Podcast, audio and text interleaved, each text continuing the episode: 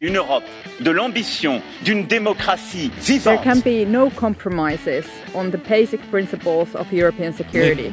Ми боремось не просто за себе, а за те, щоб Європа The story of how we went from centuries of war to creating these unprecedented continental democracies. Evropska Četrt, četrt, četrt.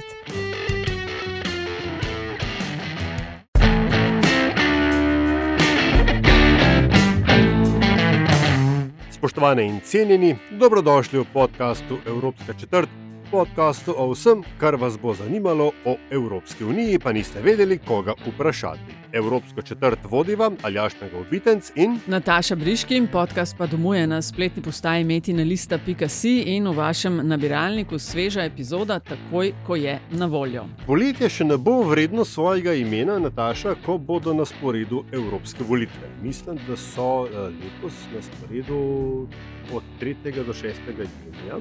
Mislite, oziroma ne veste, od 6. do 9. Hvala za popravek, spoštovana kolegica. Torej, To 6. si nalašč naredil, da si bomo bolj zapomnili. ne? Tako To je, so te tako je, finte. ne. Ampak a, tekma se je v resnici že začela. V Sloveniji, seveda, se že oblikujejo bolj ali manj očitne a, kandidatne liste, liste kandidatov in kandidatov.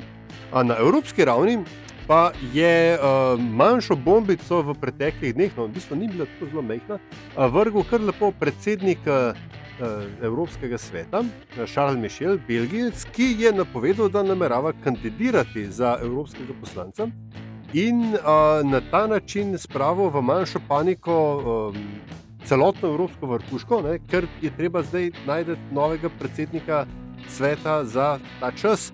In um, nihče pa si ne želi, da bi se to zgodilo ravno v času mačarskega predsedovanja, ker če ne bi bilo kandidata, bi potem lahko bil kar Viktor Orban, predsednik, eh, začasni predsednik sveta. Skratka, cela kolobocija je nastala uh, in uh, Nataša, mi dva sva tu zato, da najdemo ljudi, ki bodo to kolobocijo pomagali, pomagali razjasniti. Ja, sto in eno vprašanje, ki jih bova stlačila v naslednjih, kaj zdaj, 20 minut. Uh, in izvrstno sogovornico imamo, da ne poveva vsega. Uh, vprašanje od kaj bo špicen kandidati, VDL, pa Slovenija ima po novem več evropskih poslancev oziroma poslank. Kakšne so spremembe in kako se tega predvolilnega obdobja veseli, nam bo povedala Mojca Širok, dopisnica RTV iz Bruslja. Mojca, zdravo. Zdravo, dopisnica samo še do 31. julija, No, to si se zagrebla, da še volitve padejo v tvoj mandat. a da ne? še volitve. Ja.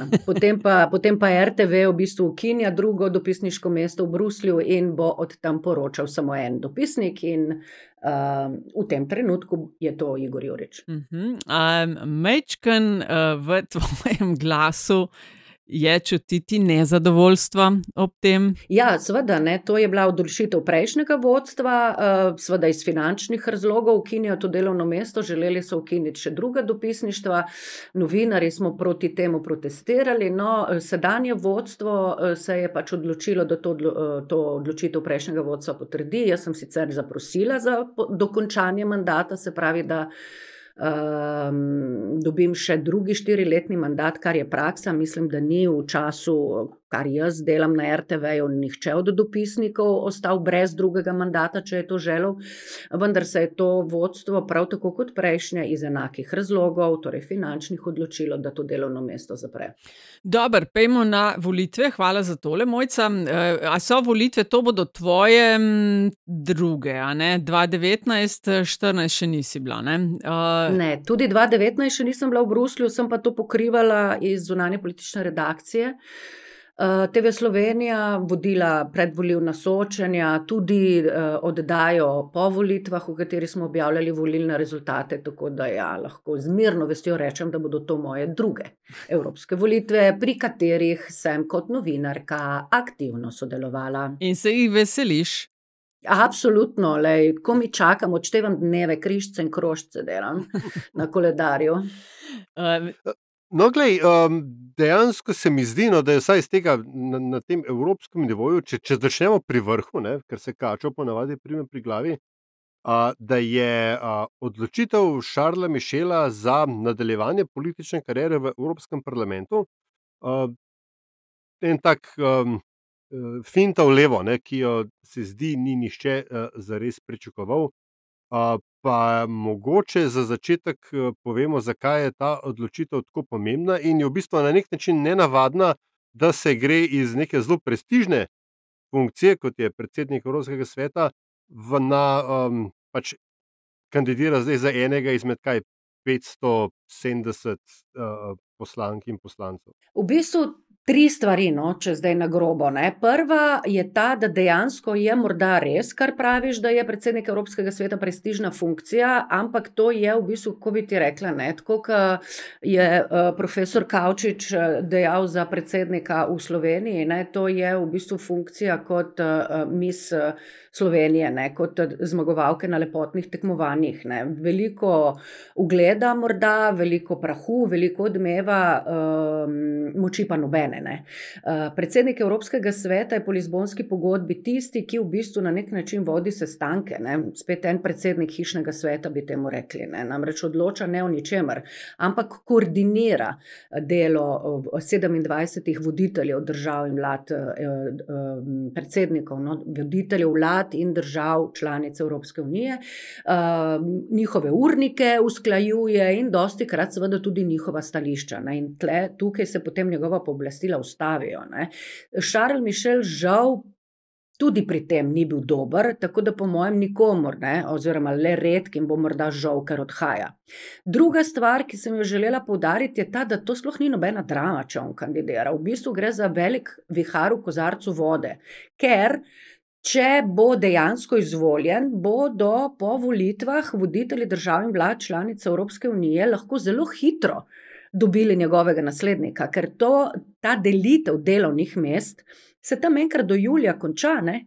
A veš, kmalo po volitvah, ne lani je bila to sicer velika drama, ne, je, dokler ni Angela Merkel, ne lani, v prejšnjem. Po prejšnjih volitvah je bila to velika drama, dokler ni Angela Merkel iz, iz rokava potegnila imena Urzule von der Leyen, se niso mogli zmeniti, ker kot vemo, je Macron miniral sistem eh, špicen kandidatov, Webra maja, ne, niso želeli na na položaju uh, predsednika komisije, kar bi moral biti ne, po nekem tem nenapisanem pravilu špicen kandidatov in skratka odvrtel se je cel vrtiljak, nekaj ur, minut je bil resen kandidat za predsednika komisije, celo hrvaški premijer uh, Plenković, ki se je sam ponujal. Skratka, ampak cela ta drama je lahko do julija končana. In, in Mačarska prevzame krmilo uh, um, sveta Evropske unije 1. julija. Ne? Se pravi, vse to straš, strašenje z, uh, uh, in grožnje z Viktorjem Orbanom na čelu sveta Evropske unije, uh, Evropskega sveta, pardon. So, so, so brezpredmetne. Kar se meni pri tem zdi večji problem, je ta, ki ga pa vsi na nek način minimalizirajo. Kaj bo ta tip delal v predvoljivni kampanji? Oziroma, kaj bodo njegovi konkurenti rekli na to, uh, da on kandidira v predvoljivni kampanji z položaja predsednika Evropskega sveta. Če pomislite, ne, Margarete Vestager, ki je Evropska komisarka, ko je naznanila svojo željo, da bi želela postati predsednica Evropske investicijske banke, je, se je zamrznila svoj položaj, ni hodila v službo, je šla na neplačan dopust, pa je komisarka. Ne. Ta tip pa v bistvu bo požel vse žaromete evropskih vrhov, ne, dovolitev bodo še, bosta še dva, ne, trije, če štejemo izrednega, ne, ki jih bo on vodil, vse čas pa predvoljivna kampanja. To se meni zdi precej sporno. Zdaj, v teoriji bi to lahko prevzel trenutni predsedujoči svetu Evropske unije, to je država je Belgija, se pravi, je to belgijski premijer Aleksandr Dekro. Ampak Tudi Belgija bo imela ne samo evropske volitve junija, ampak tudi nacionalne volitve. Ne? Skratka, tukaj se uh, kako bi rekla, ne, glede tega, v bistvu morda, morda je vse to zdaj na nek način ne tako napeto, samo za nas, ki živimo v tem bruselskem mehurčku, ne, ampak je pa dejansko nekaj vprašanj, ki se pojavljajo v bistvu s kandidaturo veljakov, ki so že na položajih na teh evropskih volitvah. In tretja stvar, ki sem rekla, da bi dodala, je pa tista, ki mi je všla in sem jo že pozabila. Mogoče te bom jaz spomnila na njo. On sicer, eh, kolikor sem uspela prebrati na to temo, ne krši nobenih internih pravil s tem, ko ostaja predsednik sveta in bo hkrati kandidiral. In seveda njega, ne, biti evropski poslanec, to ni nekaj, kar njega zanima. Kandidiral bo na listi, kaj je Reform Movement uh, stranke. Ja, to ne? so libera, liberalci, Tako. to bo Renew Europe. ne. Kar pomeni, A ja. da bo skoraj gotov dobil sedež, ne, ker ga ponavadi ti dobijo. Uh, ampak on cilja, mogoče je to tisto, kar si hotela povedati, ne, mora biti izbran, ker naj bi letos vseeno špicen kandidati, ne tako kot VDL, ki je bila določena, ne, uh, in naj bi kot kandidat Renew. A je to tista neka daljnosežna? Ne? Mislim, ja, ampak to se ne bo nikoli v življenju zgodilo, Nataša. Mislim, njemu ne bodo dali nobene visoke funkcije. On je zdaj, pe... če pa bodo, pa, pa pojmo vsi domov, pa se skupaj ukinimo. No, ampak je to nekaj- Pač, doka- ne, druga, čak preden spet pozabim. V bistvu, ja, to je to, je to uh, pomembno, kar si zdaj podarila. Ampak kar sem jaz želela povedati kot tretje, je bilo to, kar je bilo v prvem delu tvojega vprašanja. Ne krši nobenih pravil. Itak, da ne, ker jih ni. Ne? Ampak se tudi nekdani evropski in sedajni evropski poslanci, ki so obtoženi v zadevi Qatar Gate, niso med tem, ko so prejemali podkupnine v gotovini od Katarja, kršili nobenih pravil, ker jih ni. Ne? Skratka, te inštitucije ne, v bistvu so še v zelo porodnih težavah, ne po porodnih težavah, čeprav je bila Lizbonska pogodba, kot vemo, 2009 sprejeta, velja od 2011, kakorkoli. Ne. Ampak za določene, za določena ravnanja, za določene um, skupine ne, uh, imenovanih oziroma izvoljenih, ni pravil. Ne, in se je šele s časoma pokazalo, da so potrebna. Ne, recimo, pri aferi Katargate, ne, lahko poslanec je lahko poslanec v bistvu glede stikov z lobisti ali interesni, drugimi interesnimi skupinami delal, kar hotel, njemu ni bilo treba nič prijaviti. Pazi, v ozadju je seveda dober namen, ne? ker imajo evropski poslanci stike tudi z ljudmi, ki potrebujejo pomoč, ki so morda v državah, v katerih živijo ogroženi. In če bi zdaj nek evropski poslanec, ki je sprejel neko skupino iranskih opozicijskih politikov ali kogarkoli, ne, to prijavil v Evropskem parlamentu, bi lahko ti ljudje, ki bi bili imenovani z imenom in priimki v svoji državi, bili ogroženi. Se pravi, v ozadju je vedno nek dober namen. Ne. To so mi razlagali, ko sem takrat raziskovala pač ozadje tega, kako se je lahko zgodil Katargate. A veš, nek razlog je, zakaj posla, evropskim poslancem ni treba prijavljati vsakega obiska uh, ljudi, ki, ga sprej, ki jih sprejme. Ne? Ampak, seveda, ne, če ti želiš izkoristiti tudi pravila, ki so tam za dober namen, ne, to lahko narediš. In to zdaj vidimo, seveda, v manjši, mi, mi smo zdaj, zdaj sem dala primer pač iz kriminalnih poglavij. Ne? Ampak tukaj pri Mišelu je zelo podobno. Ne? In meni se to zdi sporno. Ne? Šarl Mišel bo kandidiral z položaja predsednika Evropskega sveta. Dobar, ampak to veva obe, do junija se to ne bo rešilo. On pač bo delal, kar bo delal, mogoče bodo pravila napisali, pa bojo v prihodnje drugače veljala, ampak zdaj to. Ampak to je stvar tudi, prosim, če te prekinem, tudi neke tvoje etike. Ne? Lej, sem ti rekel, Vestager je odstopila, ne? Timmermans je šel. Ne? Se strinjam. On je rekel, o, jaz bom pa kandidiral, baj. No, zdaj pa 1. februarja imamo pa mi Evropski svet, zdaj bom pa jaz, ne model. A ga ni nobenega, ki bi ga na to opozoril. No? Super, da boš kandidiral, to je tvoja demokratična pravica, ampak se tebi zdi higienično? Ga bomo dali v CC, Da- ko bomo promovirali Ja, da je to epizodo. No, lej, to je samo moje skromno mnenje. Ne, ne, je, stoji vse. Ampak a zadev, je, ne. ne, ne, stoji popolnoma vse in se strinjam. Ampak a je v ozadju te njegove odločitve kaj drugega kot to, da računa, da bi zaradi razporeditve glasov morda Renew bil tisti, ki bo določal, kdo bo predsednik uh, oziroma predsednica komisije, in on, kot izvoljeni poslanec, bi le tako lahko prišel v igro. Ker jaz ne vidim druge Ja. teorije, ker ga ne vidim, da bi si nekdo, ki je bil premijer, ki je vodil Evropski svet, o, zdaj bom pa jaz poslanec. No, lej, to, to po mojem mnenju drži. Ne? To, ta analiza ni napačna. Dejansko tu gre za človeka, ki je še mlad. Ne, za politika, ki je eh, v življenju ni počel drugega kot bil politik, skratka, njegove ambicije so popolnoma razumljive in to, kar ti govoriš, je lahko neka popolnoma logična pot. Ne.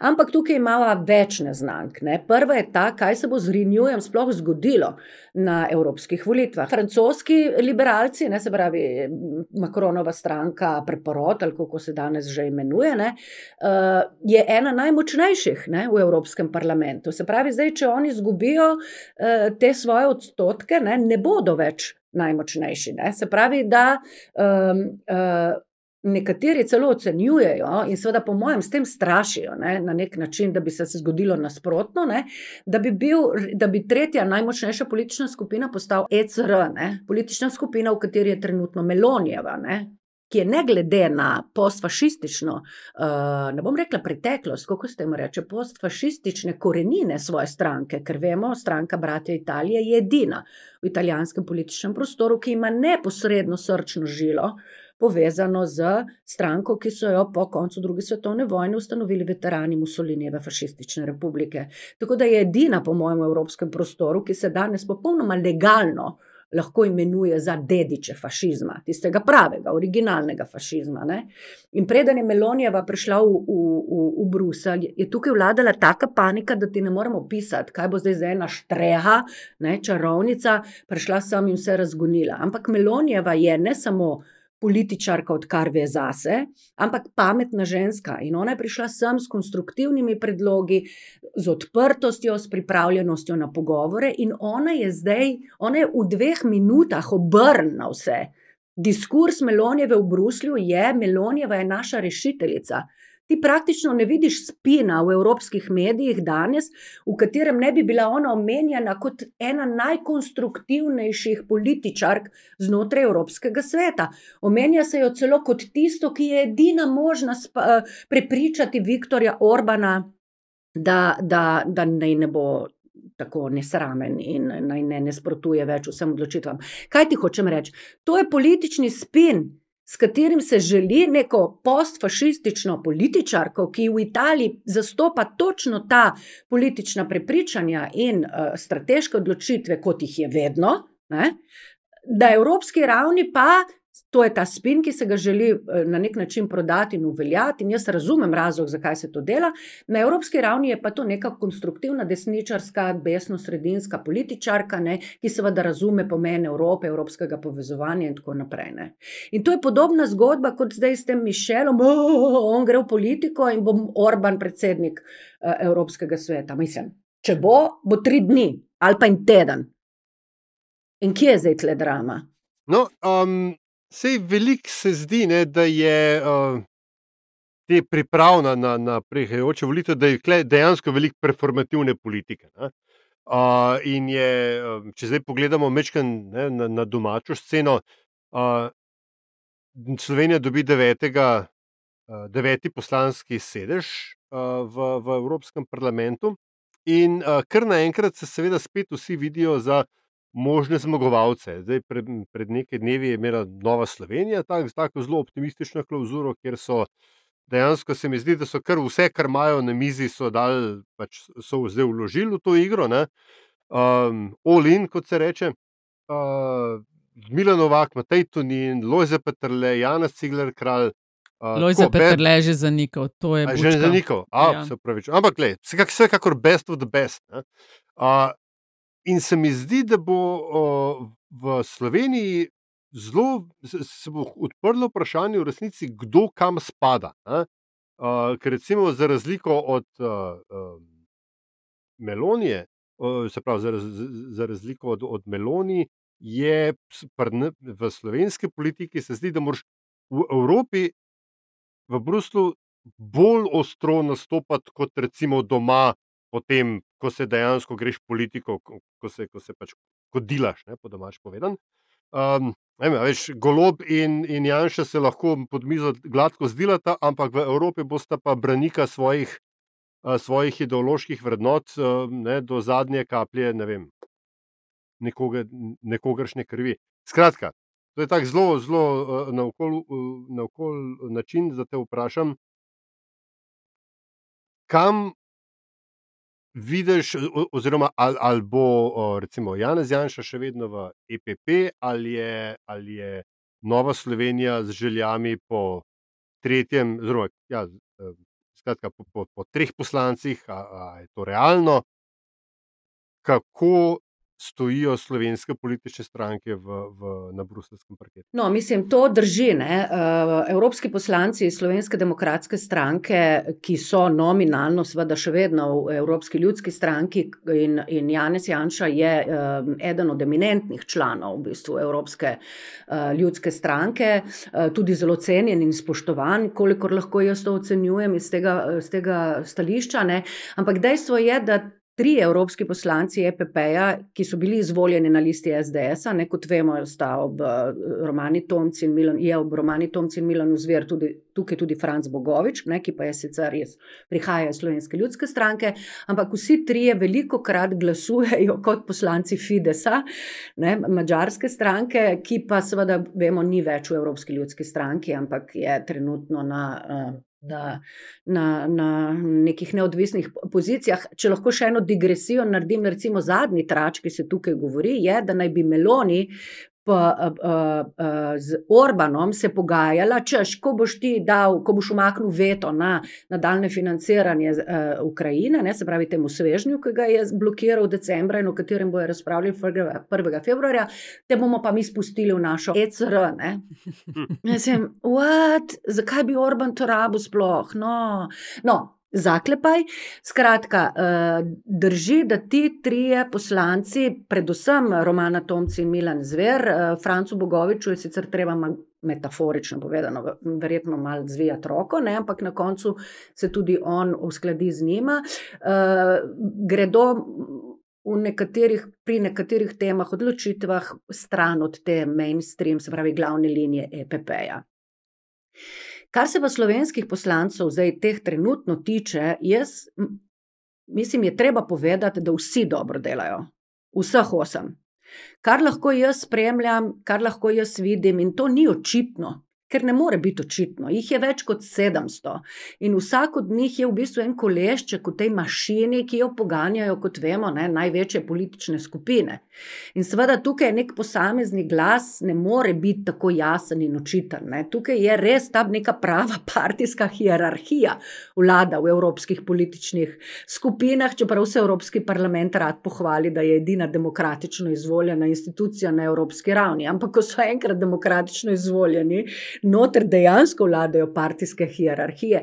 In marsikateremu novo pečenemu, novo izvoljenemu evropskemu poslancu, še posebej iz manjših držav, ki je bil morda izvoljen res z nekim žarom in upanjem, da bo uvajal ne vem, kakšne strašne spremembe, ne kar upade volja, ne, ko pride sem in vidi, da. da, da Da se mora krepko boriti, da bo dobil tiste minuto, 30 časa, da bo na neki seji nekaj povedal. Ne. Tako da To so dejstva. Dejstvo pa je, da vseh osem slovenskih evropskih poslancev na področjih, ki so si jih izbrali, ki so jim bila dopuščena, zelo dobro dela. Res. Mislim, Milan Zver je recimo bil uh, eden uh, teh, kako bi rekla, glavnih uh, pri uh, uh, sprejemanju Erasmus programov. Je zelo aktiven tudi v skupini prijateljstva z Iranom. Romana Tomcu vsa ta leta zelo aktivno in produktivno dela na področju socialnih pravic, dela in tako naprej. Uh, prav tako Ljudmila Novak. Uh, uh, Tudi Milan Zver in Matjaš Nemec, ki sta relativno sveža, oba, no, dobro, mislim, Nemec. Milan Brgles, si mislil, ne Milan Zver. Ja, kaj sem jaz rekla? Zver, ja, ampak v redu. Ja, ja no, sej, kaj. Vse manjka samo ena črka, SD, SDS. Živali, ja. Tako da, ja, no, mislim, tudi, tudi Irena Joveva, Klemen Grošelj, mislim, res to pač, kako bi ti rekla. Ne, to, da so, da so jih slovenski voljivci poslali v Bruselj, je, kako bi rekla, ne so vzeli resno. Ne, in svoje delo resno in uh, kompetentno pač upravljajo. Ne. Tako da Zdaj ne vem, koliko sem jaz zdaj s tem odgovorila na tvoje vprašanje. Ne? Kar sem ti pač hotela povedati, je samo razlika med tem, kar je bilo v tvojem vprašanju, se pravi o debati, ki se v predvoljivni kampanji Tako, ja. glede kandidatov odvija v Sloveniji, in tem, kar se potem dogaja tukaj, ne? ko so ti kandidati izvoljeni na evropske, eh, na evropske položaje. Nedvomno je le zelo pomembno, vsak poslanec je zelo pomemben. In kot sem rekla, je morda samo en majhen kolešč, eno majhno hnokolesce v tem mehanizmu, ne? ampak je lahko ključno. In zdaj, a veš, to seveda tudi drži. predvsem v močnih državah. Jaz lahko to z vso kompetenco govorim za Italijo, ki jo pač dobro poznam, ker sem jo spremljala profesionalno kot dopisnica leta in leta. Drži tudi to, da se številni ljudje sem preprosto parkirajo. Ne? Antonijo Panceri ne, je definitivno ta eden glavnih protagonistov in režiserjev afere Katarga, je bil nedvomno eden teh, ne, ki je potem to, ta parkeđo, ne, to svoje parkirno mesto izkoristil za, za lastne interese. Tako da to seveda tudi velja, recimo Silvio Berlusconi. Ne. Silvio Berlusconi je bil leta in leta evropski poslanec, da se je pač izognil pregonu, mm. sodnemu. Ma ga ni bilo tlele, jaz ne vem, 96,6 uh, odstotka ne, uh, časa, nikoli, ne, praktično. Tako da Alessandra Mussolini ne, na nek način tudi in poslanci iz drugih večjih držav. Tako da jaz mislim, da lej, Če je Evropska unija potegnila iz žepa zadnjo karto pred evropskimi volitvami, in to je Taylor Swift, ne, da, bo, da bo nagonila mlade ljudi na evropske volitve, ne, je tudi to dobro. Pač, potrebno se je poslužiti vsakega orožja dejansko, ker danes le ljudje, kaj pa ti imaš kot posameznik še na voljo. Mojca. Da vsaj, vsaj potencialno lahko nekaj narediš. Okay, od Taylor, čakaj, volitve, od Taylor Swift lahko še, še, še, še kakšno rečemo, ne? ker uh, mi, vedno, jaz vedno večji Swifti postajam na stara leta, to je ne mogoče. Mislim pa rekla a, si, a veš, vsakega urodja, to je z naskokom najmočnejše, a veš, vse BDP in držav se spremlja, potrese, potrese se dogaja. ja, ampak lej, veš, to je spet, spet medijski spin, če lahko mi trije smo vsi trije novinari, pa dajmo pogledati stvari močine lanskem letu, če zdaj naredimo popolno digresijo, ampak ki ima tudi neko povezavo z evropskimi volitvami, ne, sta imeli dve turbo zvezde na svetovni pop sceni, odmevni turnaji. Beyoncé in Taylor Swift. Ne. Jaz se ne zavedam. Obe sta huge stars, čakaj, sem da ti povem, kaj mislim. Ne. Zdaj pa pejti gledati Twitter objave, TikTok objave in potem posledično tudi uh, pokritje v, v mainstream medijih katera, za katero je bilo odločeno, da je uspešnejša, da, da spremenja BDP-je držav, da povzroča potrese za belo, blond, Taylor. Lej. Ja, lej, um, ne mi reči. Fair, fair, Ne, jaz jaz, prve... To je sam stej, to je dejstvo. Zdaj pa interpretiraj ga, kot želiš. Obe dve sta zaslužili gaziljarde dolarjev s svojima, svojima turnejama, ki sta produkcijsko izjemna projekta. Obe dve sta izjemni umetnici ali kakorkoli, zasluženo uspešni v svojih poklicih. Ampak, če ti pogledaš za nazaj, ne, Govorimo o, o turbo ne, zvezdništvu in uspešnosti turneje blond, bele umetnice, in potem šele na drugem mestu, tako čez pol ure, temnopolte. Dobar, ne bom zakopala zdaj v tole, uh, ali je ona Taylor Swift, zato ker je bela in tako dalje. Kar lahko povemo za govor Taylor Swift, je absolutno to.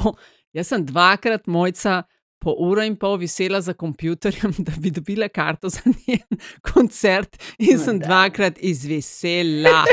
Kako si... je bila pa pripravljena plačati, če to povej? Uh, ja, spodnja je bila 125, jaz sem rekla, da več. Oh, ja, ne, oh, ja, no, točno to. Jaz sem rekla, da več kot 200, pa ne grem, tok pa ne. Oh No, pa kaj ti je pa tako všeč? No, dej, ja, mislim, kaj mi je tako všeč. Želela sem jo pogledati, všeč mi je, da se ona oglaša, recimo tudi ob vprašanjih, kot so bile ameriške volitve. Za razliko od velike večine uh, glasbenikov in glasbenic, ni tiho, ampak uh, je v okviru tega ima neka stališča. Mislim, kaj mi je všeč. Tudi pri Beyoncé mi je, recimo, gotovo, ki je všeč. No, ampak še enkrat, ne bom politizirala okrog belo črno. Ne bova politizirala okrog glasbe. Ti, da se ni dal dobiti. Ja, ne, lej, sej, nedvomno. Jaz pač, kot sem želela reči, sem, to se mi je zdelo to curious, ne, pač nekako kot nekdo, ki, kako bi rekla, ne, nima drugih hobijev v življenju, kot je pač ukvarjanje z globalno politiko, sem to opazila. Ne. Ti si v okice zdaj. Ne, pa ne vidiš, ne potikaj, no, pač to, sem, to je samo neko dejstvo, no. Deva, beži delati statistiko, objav pa boš videla. Pa sta obe dve enakopravni in seveda to, da je tudi stvar okusov, ne? zakaj tebi všeč muzika, ene muzika, druge. Ampak če ti gledaš samo kot Aljaš, reši dejstva, nas. Ne, čakaj, si bom dala Mis- piko. mislim, a- Če ti gledaš uspešnost, poglej, koliko je ena zaslužila, to je vse enako, vsem sta si enakopravni. Mislim, Eh? a ima- a Ampak ima- medijska pokritost je bila na eni strani jaz se- večja kot na drugi. strinjam. Pika. A ima Taylor Swift, ima Beyoncé futbolerskega fanta? Nima, oziroma kaj ima tisti tis njihov rugby z, penami. je ne? Jay-Z, no, mislim, da je. Ja, no, a, a, a igra Ja, ameriški je nogomet? vedel, sorry, a je kdo vedel, kdo je Travis Kelsey, preden je postal Taylor's boyfriend? Uh, Mislim, da uh, smo nekako zašli zdaj. Le, Ja, res je, ampak ne, Začeli smo s Šarlom Mišelom, končujemo s Taylor Swift. Čeprav slednje je dosti bolj, preusmeri to razpravo. slednje je dosti bolj zanimivo. Ne? Pa glej, um, vendarle, ne, ala, to evo, pazi ta zdaj segve. Ne? A lahko Taylor Swift um, zagotovi deveto mesto, uh, oziroma določi, kdo bo, kdo bo deveti slovenski evroposlanec. Ja, ne, mislim, da tega ona ne more, ker ne, verjetno se tega niti ne bo lotila. Je pa ta poteza, ne, ki jo je včeraj objavil Margarita Skinas, ki. Uh, no, kakorkoli. Ne, Čakaj, on je komisar komisar- za evropski način Nima- življenja. Ne? Nimam pojma za mešanje zraka. Ja, na. On je eden, tudi eden od podpredsednikov Evropske komisije. On in Šujica sta, nikoli ne veš kaj, ampak sta skozi zraven. Ja, en je za demokracijo, drug za demografijo in tukaj noter daš lahko karkoli. No. Uh, skratka, no, je, on je to javno izjavil in sicer se je pač eh, skliceval na to, da je uh, Swiftova, ne, kot si že omenila, Nataša, um, pred ameriškimi volitvami v bistvu pozivala mlade v Ameriki, ne, naj se vendarle udeležijo volitev in naj bi, according to Margarita Skinas, oziroma vest, v katerem je bilo to uh, sporočeno, se potem naslednji dan v bistvu zelo, uh, kako bi rekel, veliko ljudi odzvalo, mladih, ne, in, se, in se pač, uh, nekako se reče po naše, ne, re, register to vote, ne, se Ja, ja, skratka ja. prijavilo, izrazilo uh, pripravljenost, da bodo, se bodo udeležili volitev. Ne. In jaz mislim, da to, ne, to, to nedvomno drži. Ne? In, in ona v resnici, če se bo, pač ona pride v Pariz, ne vem, maja, za dan, zma, ne kaj že dan Evrope, ne 9.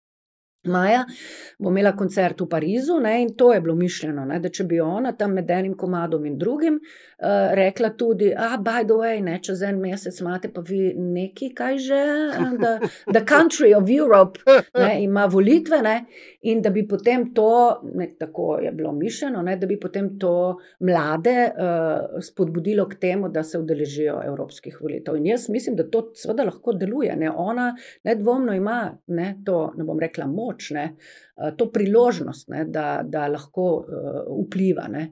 Ampak, lej, uh, mislim pa, da mladi. Uh, Evropskih držav, ne, da ne bomo rekli države Evrope, ne, kot bi morda rekel, kakšen državljan eh, ZDA. Um, predvsem današnji mladi, ne prej ste omenili ne, so, so, so zelo osveščeni. Ne, se pravi, da tisti, ki jih te stvari zanimajo, ne, uh, točno vejo, ne, kaj lahko naredijo in kakšna sredstva imajo na voljo. In mislim, da to zel, m, m, veliko bolj, kot so se tega zavedale naše generacije. Mojca, te evropske volitve so prve po Brexitu. Ne? Imeli smo 751 poslancev, pa je potem zaradi izhoda Britanije šlo na 705, v novem sklicu jih bo 720 in tako kot smo rekli, že Slovenija pridobi eno mesto, torej jih bo devet, a je še kaj. Uh, novega, kar se tiče tokratnih evropskih volitev, je tebi kaj padlo v oči takšnega, da bi se ti zdelo vredno omeniti, da kaj pa je še drugače tokrat. Ja, tokrat, da so resen kandidat za volivni uspeh desničarske stranke. To je prvič, po mojem, resna možnost. Ne? Kar ne bom rekla, da to ne grozim s tem ali karkoli. Ne? Pač To je spet eno dejstvo, ne? ki ga je treba zabeležiti. Ne? V številnih evropskih državah, predvsem v največjih, ne? se stranke, ki se politično pozicionirajo na desno od sredine, um, so v porastu ne? in imajo veliko uh, možnosti, da dobijo. Uh, Veliko podpore na evropskih volitvah, kar posledično potem pomeni, da je morda ogrožen ta pravni red, ne, oziroma politični red prevlade treh sredinskih uh, političnih skupin v Evropskem parlamentu. Ne, se pravi, Evropske ljudske stranke, socialistov in demokratov in liberalcev, kar ti potem to, seveda, precej ogrozi ne, tudi um, sprejemanje odločitev in politik na evropski ravni. Ne. Oprosti, dajmo to v kontekst. Uh, če prav razumem, uh, če se prav spominjam, so bile, recimo, temu, evropska vlada v zelo širokem pomenu besede, v smislu pač koalicije, ki je v parlamentu, ki je izvolila vsakokratno Evropsko komisijo. Uh, in seveda kompromis med državami članicami, ki je temu potreboval, je bil vedno koalicijski SD kot leva sredina, SND kot leva sredina, EPP kot uh, desna sredina in kakorkoli so se že imenovali liberalci vmes. To, to, je, to je proevropski mainstream. In zdaj, če te prvo razumem, je prvič možnost, da bodo koalicijo, ki bo potrdila Evropsko komisijo, kakršne koli ona že bo, vodile, da, da bo izključno stranke, pravi politične skupine, desno sredine, EPP, ECR, ID in tako dalje. Ne vem, mislim, ja, tlej, to bo škodovalo, po mojem, v prvi vrsti Evropske ljudske stranke, se pravi, porast, eh, ne, števi, večje število poslancev in posledično večja moč v Evropskem parlamentu desničarskih strank. Ne, seveda, vemo, njen bazen so Evropske, eh, je Evropska ljudska stranka, ne, torej stranke na nacionalnih ravneh, ki potem sestavljajo to politično skupino. Ne.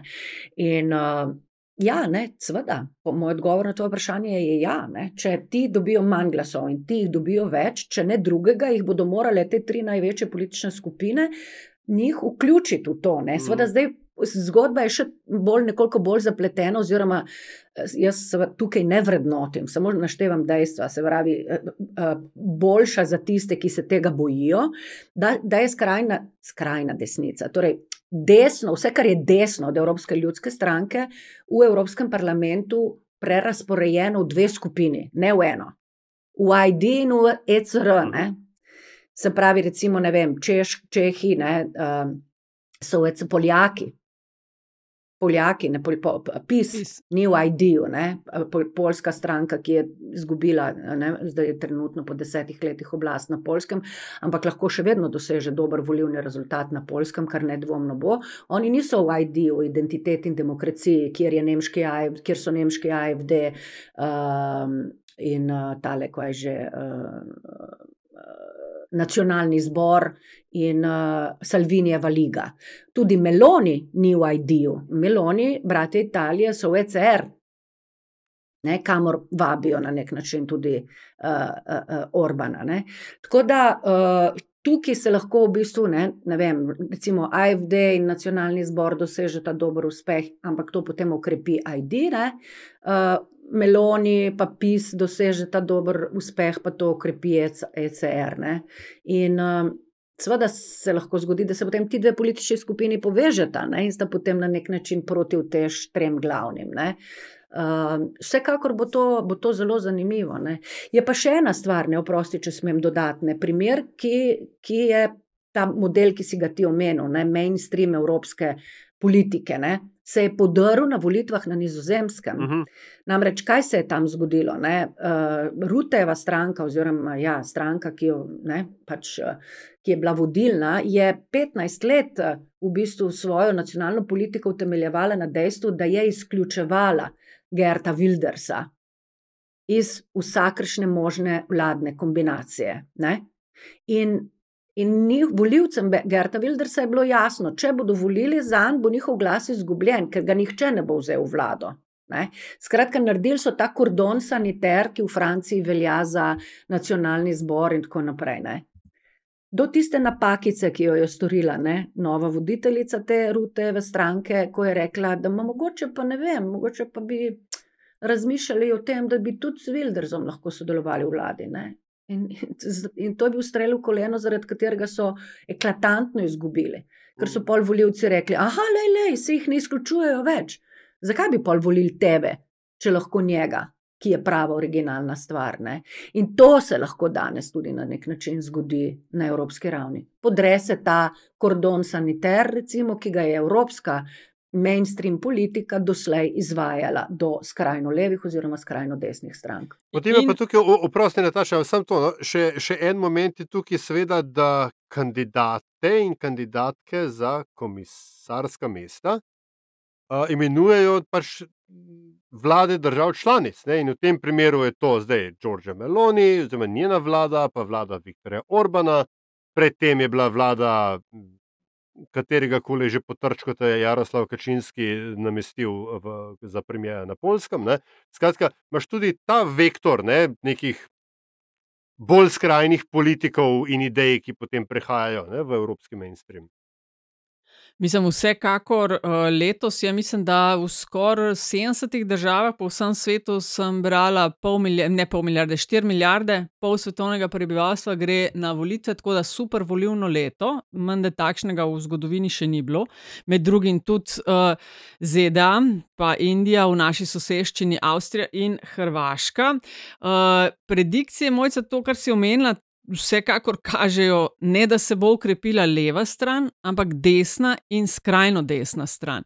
Zdaj, pred dnevi sem preberala, mislim, da je bilo v Financial Timesu, eh, podatki inštituta VDM, na kakšni ravni je demokracija po svetu, in uh, ugotavljajo, da smo na ravni, kjer smo bili leta 86, da so avtokracije v sponu, da so mlajši voljivci bolj tolerantni do uh, avtokracije in so se sprašvali, oziroma rekli, konec leta bomo vedeli, ali je demokracija preživela.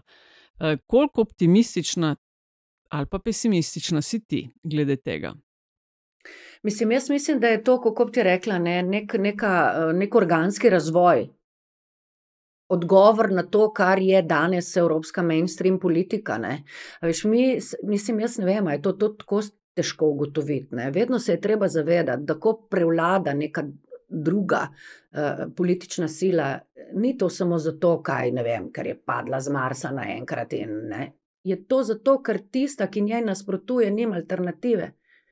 Mm ni sposobna ponuditi ja, ja. alternative, ker je zmanjkalo idej.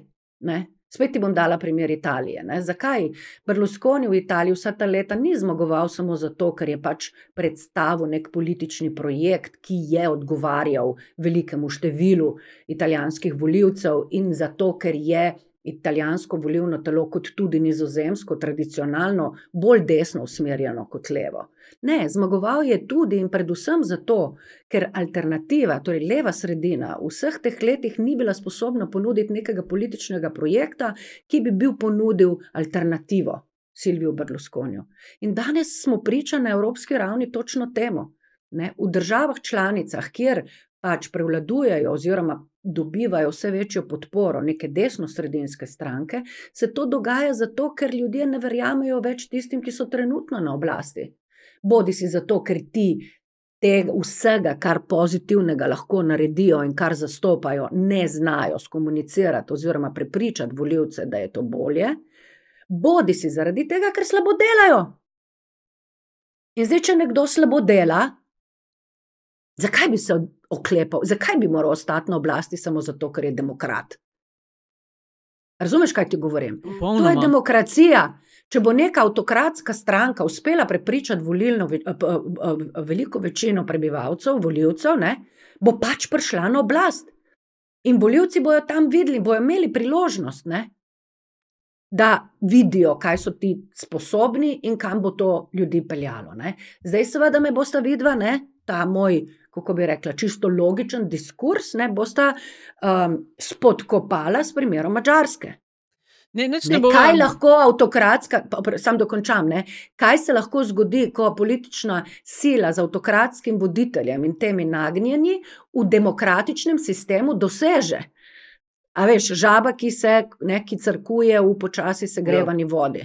V desetih letih v bistvu nekega političnega vodenja in prevzemanja glavnih sistemov, možnosti demokratično, izvo, demokratično dobljenih možnosti, da obvladujejo politične sisteme, kako si jih lahko prilagodi sebi v koristne. Ampak, lej, to je to, kako govorijo za demokracijo. Ne? Najboljši od vseh slabih sistemov, s katerimi razpolagamo. Veš kaj, noč ne gre za to, spet si polagala neke besede, da te bova midva potovkla. Vsaj jaz ne. Popolnoma jasno je, da se ljudje zatekajo in glasujejo za ek ekstremiste, kadar so jezni, kadar so pesimistični, kadar ne vejo. Uh, niso optimistični glede prihodnosti, kam gremo in kaj ta prinaša, in ker aktualne stranke ne odgovarjajo na družbene izzive. Seveda pridejo avtoritarci in ponudijo hitre rešitve na zapletena vprašanja. Vsi pa vemo, da hitrih rešitev na ta zapletena vprašanja nikoli ni, ko pridejo na oblast, si skušajo pa podrediti sisteme. Levi de ali desni ekstremisti, popolnoma enaki. Prideti na oblast in od tam usiljevati svojo voljo. Ne? To je vseeno razlika med demokrati in avtoritarci. Ampak ja, danes smo, kjer smo, ker aktualna politika pač ne, vem, ne sliši ljudi in ne ponudi odgovorov. Ja, no, kot je mojca rekla, samo to, da si demokrat, ne, da si dokazal demokrat, celo, še, ne pomeni, še, še ne pomeni, da si avtomatično aboniran na oblast. Ne. To mislim, da je lekcija, ki jo zahodni svet jemlje, vsaj od 2016 naprej. Ne. Če ne, če ne, v bistvu že odprej, kar o čemer smo se tudi večkrat pogovarjali, ne, CF, Italija in tako dalje. Um, ja, ne, jaz mislim, da smo mi počasi vendarle proti koncu, e, če ne drugega, zato ker se bo v naslednjih šestih mesecih dogajalo še toliko stvari, da ne moramo vsega vnaprej povedati. Jaz mislim tudi, da uh, bo še veliko prilik in se že veselim vseh naših nadaljnih klepetov. Uh, razen če Nataša mašti še Mislim, da je lahko vprašanje veš, da... glede novega albuma Taylor Swift in tako dalje. Se veš, da z mojim. Kjer je sploh, se, se, se vem, ne, čakaj, to je ona je re-recordala, ali kako se reče, temu posnela, vnovič posnela, ne, zaradi tega je postala taka ikona, ne, ker, je bila, se, ker se je bila posve, polastila svojega dela. Ne, tako, ona, ona je dala prst trendnikom v, v, v pač recording industriji in je rekla, ta produkcijska sredstva so moja. Tako, založba je imela težave in je vzela usodo v svoje roke. Go, go Taylor, go Swift. Go Taylor, ne, z mojco bi lej, s tabo še ure o teh evropskih zadevah. Vidim, da je škoda, ker nimate na voljo no, to, kar smo, da se vrnem k tistemu, o čemer si govorila na začetku. Takšnih eh, oddaj na RTV, da bi lahko dopisniki in dopisnice, ki veste več od kdo je kdaj prišel na obisk, pa kaj je tam rekel, ker to so meni te zanimive um, ozadja v tem evropskem kolesju, ki pa ga lahko veliko vemo, lahko veliko beremo, ampak če nisi tam, veš manj. Drži.